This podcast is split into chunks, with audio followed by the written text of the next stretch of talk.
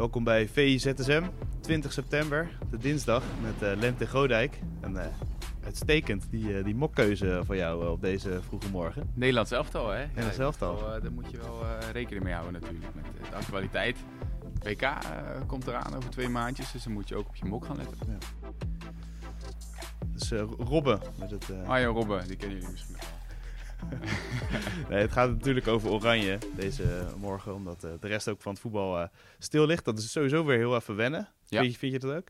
Uh, nee, vind ik eigenlijk niet lekker? zo leuk. Oh. Nee, ik vind dat jammer als er geen clubvoetbal is. Maar ehm, deze interlandperiode vind ik wel iets anders dan normaal, omdat het natuurlijk wel ergens over gaat. Ja. we werken toen naar een WK. dan begint toch alweer een beetje te kriebelen.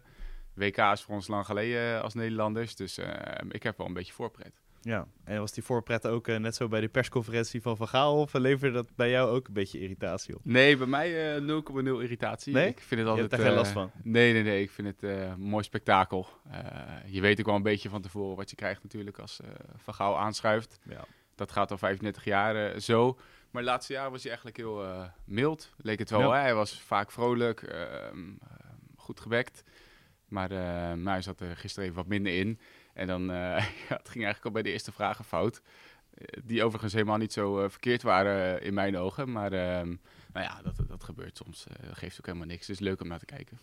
Ja, ja, is dat het gewoon wat blijft hangen? Want ik denk soms al van, ja, je kan af en toe wel wat leuker antwoord geven op journalisten. Of um, ja. ja. gewoon wat leuker met elkaar omgaan. Dat, als basisnorm, dat meer.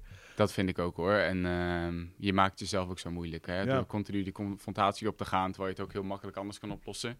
Maar uh, nou goed, als je dat al 35 jaar doet, dan ga je ook niet meer veranderen, denk ik. Dus ik denk dat, iedereen het ook wel, al die journalisten weten het ook wel. We hebben het allemaal een beetje geaccepteerd. Als je maar presteert met Nederland zelf dan. Ja, en wat vind je van de inhoudelijke keuzes? Want het ging heel veel over uh, de keepers. Wat natuurlijk ook eigenlijk bizar Het is één positie van de elf. Ja. En daar gaat het vooral over. Is dat ook niet een beetje gek? Ja, dat is ergens wel een beetje gek. Uh, maar het heeft natuurlijk ook te maken uh, met de keuze die je dan neemt. Ehm, omdat Van Gaal heeft eigenlijk die eerste zes interlands Justin Bijlo heel groot gemaakt. Echt een keuze voor de toekomst. Um, hij liet wel iets open met Sillissen en Bijlo. Hij zei niet, het is echt mijn eerste man. Nee, dat heeft hij nooit gezegd. Maar um, nou ja, als je hem zes wedstrijden opstelt, dan wek je in elk geval de suggestie dat hij de tweede man uh, tenminste is. En uh, ja, nu zat hij ineens niet uh, bij de top vier. Dus dat is voor hem natuurlijk wel, um, wel vervelend en, en triest. Maar hij mag alsnog naar Zeist komen. Ja, ja ik uh, had een tweetje geplaatst en dat werd me niet de dank afgenomen door iedereen in Nederland. Ik vroeg me af, als je Justin Bijlo bent, um, zou je dan melden bij Oranje als je eerst eerst keeper bent, dan opeens uh, vijfde keeper, want er zijn vier keepers geselecteerd, of, of zelfs zesde keeper, en dan een berichtje krijgt, hey, kan je wel voor pingels komen stoppen? Ja, het, het voelt toch wel enigszins lullig, toch? Ja, dat denk ik ook wel. Ehm, ergens snap ik de gedachtegang van Vergaal nog wel. Um, we hebben het gisteren ook met Simon over gehad. Maar um, er kan natuurlijk een situatie zich voordoen over twee maanden dat Sillissen geblesseerd is en Bijlo geblesseerd is en misschien Pasveer geblesseerd is, van die is bijna 40. En dan wil je wel weten wat je erachter hebt. ik denk dat in dat oogpunt uh, Noppert ook is opgeroepen om hem in actie te zien. En ja, voor zo'n selectie kan je moeilijk zeven keepers nu uh, oproepen. Dus dan valt Bijlo er even buiten, omdat hij weet wat hij aan Bijlo heeft. Maar ehm, als de uitleg is dat hij niet geleverd heeft, dan is het natuurlijk wel een beetje een ander verhaal. En zorgwekkend voor hem, denk ik. ja, dat is wel een signaal naar hem toe. Ja. Ehm, dan snap ik ergens wel dat je niet alles nu op Bijlo zet. Want ehm, ik vind ook wel dat hij niet de allerbeste fase in zijn loopbaan doormaakt. hij heeft best wel wat blessures gehad de afgelopen tijd. en je hebt bijvoorbeeld met Pasveer Doelman die standaard Champions League keept dan ben je toch actief op een iets ander niveau. Heeft veel meer ervaring natuurlijk. En je zou nog kunnen zeggen dat Bijlo misschien niet de meest logische optie is als tweede of derde keeper. Omdat je daar misschien iemand wil hebben met heel veel ervaring of een echte specialist op een bepaald gebied. Um, dus dat kan ik op zich ergens wel volgen. Alleen voor hem is het wel lullig. En zeker dat hij dan even eh, mag komen om wat penalties te stoppen. Ja, en wat hij dan over uh, Noppert zei bijvoorbeeld. Um, waarom heb je Noppert opgeroepen? Omdat hij ballen tegen kan houden. En over Bijlo zei hij, je bent geen goede keeper als je alleen ballen tegen kan ja, houden. Ja, dat botst natuurlijk een beetje. Volgens mij uh, was hij ook een beetje dwars toen hij dat over ja. Noppert zei. Want hij zal echt zijn redenen wel hebben. Met dat kopje koffie zo van, anders gooi ik hem naar je hoofd. zo zag het eruit, weet je. Nee, was het toen in staat, ja, zeker. ja. Nee, hij, hij, wilde daar niet echt op ingaan. Maar het kan natuurlijk best dat hij Noppert wel voor die strafschop heeft opgeroepen. Maar dat hij niet dat iedereen wijzer wil maken. Ja. Um, zodat iedereen weet van als ik een penalty moet nemen, dan komt Andries Noppert erin. Want dan is het verrassingselement natuurlijk een beetje weg. uh, dus ik denk dat er zoiets achter zit. Ja, Noppert, de nieuwe krul eigenlijk. Dat is een beetje de bedoeling. Ja, uh, dat krul er niet bij zit, vind ik trouwens ook wel opvallend. Ja. Want die uh, is al vijf jaar lang echt in carrière, omdat hij zo geweldig penalties kan stoppen. En uh, dan zijn we op zoek naar een penalty killer. En dan mag je zelfs niet met de training meekomen doen. Wat uh, Scherp en Bijlo wel mogen. Is dat niet dezelfde situatie als Bijlo eigenlijk? Dat je weet wat je aan hem hebt. Van, we kunnen altijd Krul nog oproepen als er geen penalty killer tussen zit. Ja, dat zou kunnen. Uh, maar ze gaan natuurlijk wel op een hele bijzondere manier penalties proberen te stoppen dinsdag. Ja, met een volleybalcoach, ja. hè? Ja. Hoe, hoe zit dat in elkaar? Want ja, tuurlijk, je zoekt naar ja, maximale mogelijkheden om ja, dat te verbeteren. Ja. Maar hoe kom je daar dan op uit? Ja, uh, ja Van Gaal is uh, innovatief, uh, zoals hij het zelf noemt. Mm -hmm. altijd geweest, dat is ook wel zo. En ik vind het op zich niet zo vreemd dat je een expert inhuurt voor zo'n belangrijk element voor een toernooi. we zien Italië afgelopen zomer ehm, het EK winnen door in de halve finale en de finale de strafschopreeks te winnen. Dankzij een geweldige Donnarumma. wij zijn op zoek naar onze eigen Donnarumma. Um, en dan moet je soms hulp van buitenaf inschakelen. Ik vind dat niet zo heel raar. Kijk, als je het wegzet als een volleyballer die uh, een keeper leert keeper, dan is het wel vreemd. Maar als het gaat om de, de mind games daaromheen, denk ik dat we daar nog best wel uh, stappen in kunnen maken. En uh, als hij daar nou helemaal op gespecialiseerd is, ja, dan vind ik het niet zo gek dat hij daarbij bij komt helpen. Piet Zwart zou er heel gelukkig van worden. Want uh, die houdt bijvoorbeeld van de, de ingooicoaches, van de ja. standaard situaties die getraind worden. Ja. Ik denk dat hij uh, hier van staat te springen. Ja, hij is er vandaag niet, maar anders stond hij zeker daar te stuiteren.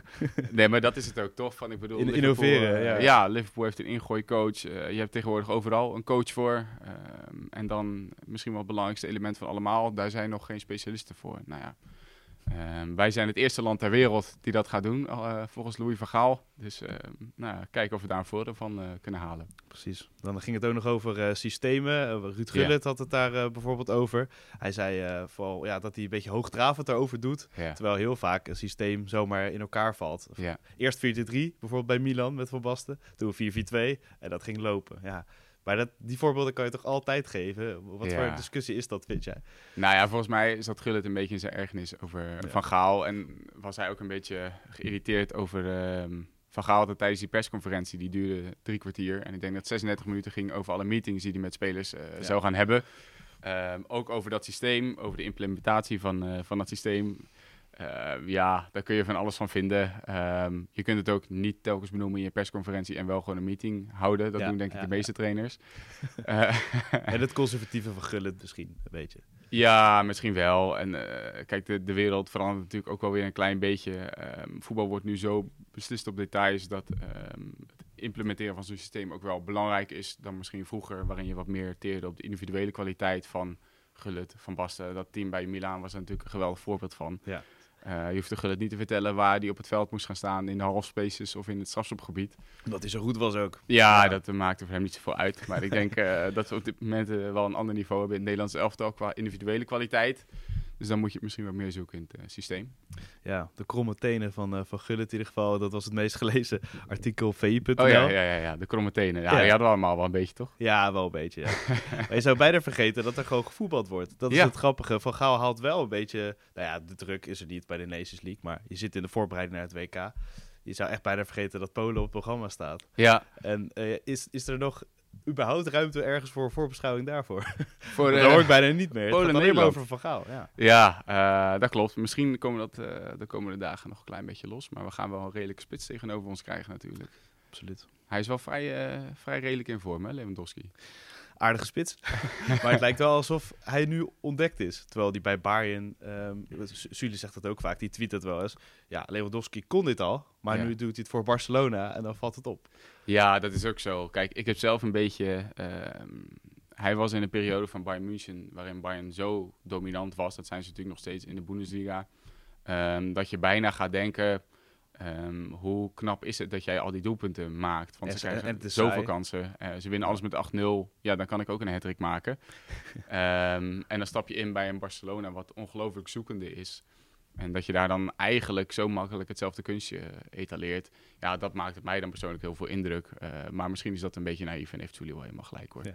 Nou, de vorige keer zonder Lewandowski werd het 2-2. Uh, 0-2, toen 2-2 nog. Ja. Nou, en met? Werkt dat zo? Ja, nou, je zou bijna denken, hè? Het is wel een mooie test. Het is wel een gevaarlijke uh, ploeg, denk ik. Ja, ja zeker wel. En um, ja, dit soort teams ga je natuurlijk veel tegenover je uh, krijgen op het WK. Uh, ploegen die misschien kwalitatief wel ietsje minder zijn, maar um, loer op een counter, loer op één tegenaanval. is een mooie test voor het systeem. Kun je met die drie man achterin Lewandowski aanpakken en verder doordekken op het middenveld, wat Van Gaal heel graag ja. wil zien. Ik uh, ben ook wel heel benieuwd welke drie er achterin gaan spelen. Er zijn natuurlijk heel veel opties mogelijk. Waar zou je voor gaan als je de drie uh, naast elkaar hebt? Ehm, nou, Van Dijk zal spelen, centraal. dan heb je op rechts een keuze te maken. De Vrij is niet echt in vorm bij Inter. Speelt ook eh, lang niet alles meer. De Licht maakt niet de beste fase in zijn loopbaan door. Timber, Timber is eigenlijk perfect voor dat systeem. Ja. Maar was de vorige interlandperiode ook niet helemaal feilloos. Dus um, ik denk dat ik wel voor Timber zou gaan. Omdat hij daar wat makkelijker ook... Hij is heel goed in het doordekken. Hij kan heel makkelijk aan de zijkant uitkomen. Heel mobiel. Um, dus ja, nee, ik zou voor hem gaan op rechts. Ja. En dan links? Lastig. Um, Ake zou daar goed kunnen spelen natuurlijk. Uh, maar dan zet je wel de licht en de vrij op de bank. Ja. Uh, dus volgens mij is Van Gaal er ook nog niet helemaal uit. Uh, je zou Blind er ook nog neer kunnen zetten. Hè? En, zodat je Malasia als linker wingback gebruikt. Alleen Blind en Timber is misschien weer dan net iets te veel voetbal voor centraal. Maar... Ja, nou ja, het hangt misschien ook een beetje per wedstrijd Hoe leren, denk ik. Ja, dat denk ik ook. Ja. Oké, okay, nou dat was uh, Oranje. Dat was de Oranje podcast een beetje. We gaan naar uh, VI Pro, het meest gelezen. Ja. John de Jong, uh, bij PSV weg. Marco heeft daar een heel mooi achtergrondverhaal over geschreven. Ga dat vooral lezen, dat ten Ja. eerste. Maar het is wel een beetje een gekke situatie, toch? Het spreekt elkaar een beetje tegen over die miljoenen van Gakpo die er moesten komen. Ja. Terwijl er eigenlijk toch wel geld leek te zijn. Het, het is een beetje vreemd. Iemand, er klopt iets niet, toch? Nee, nee, ik denk dat het, ehm, dit had beter gecommuniceerd kunnen worden vanuit de club. Ja. Ehm, nu krijg je, ja, er is gewoon sprake van een botsing. En eh, als beide partijen zich dan vervolgens ehm, daarover uitlaten, ja, dan krijg je twee heel verschillende verhalen. Eh, dat had waarschijnlijk wat beter afgestemd moeten worden intern. Eh, want nu komt het wel heel vreemd over. Van Nistelrooy die gaf ook aan dat hij daar enorm van baalde. Ehm, Ja, hij zei ook, het is wel duidelijk wie er de baas is. Weet je Ja? Dat je denkt, ja. wat bedoel je nou precies? Ja, en, en Marcel Ja. Brands komt er nu ook niet helemaal eh, goed vanaf op deze manier. Eh, Die zit natuurlijk ook nog niet zo vreselijk lang. Nee. En je hebt natuurlijk altijd die ehm, situatie met een RVC die niet te veel naar buiten wil treden, maar wel heel machtig is binnen een club. Dat hebben we natuurlijk bij Ajax ook allemaal meegemaakt. Ehm, er zou misschien ook wel iets meer openheid eh, uit kunnen komen om het allemaal wat duidelijker te maken. En nu komt het natuurlijk allemaal op Marcel Brands zijn, zijn bordje. Dus ja, voor PSV is dit gewoon geen fijne situatie. En ik denk dat ze heel blij zijn dat er nu een interlandperiode is. Ja, zeker. En dan gaan wij er toch weer over beginnen. Hè? ja, maar ja, als onze lezers eh Dat is waar. het meest gelezen artikel op VE Pro maken, dan moeten wij het er natuurlijk ook Die zijn leidend, hè? Ja, zeker. Ik wil je bedanken voor de VIZSM eh van vandaag. En eh, ja, morgen natuurlijk weer. Tot VIZSM. Tot de volgende.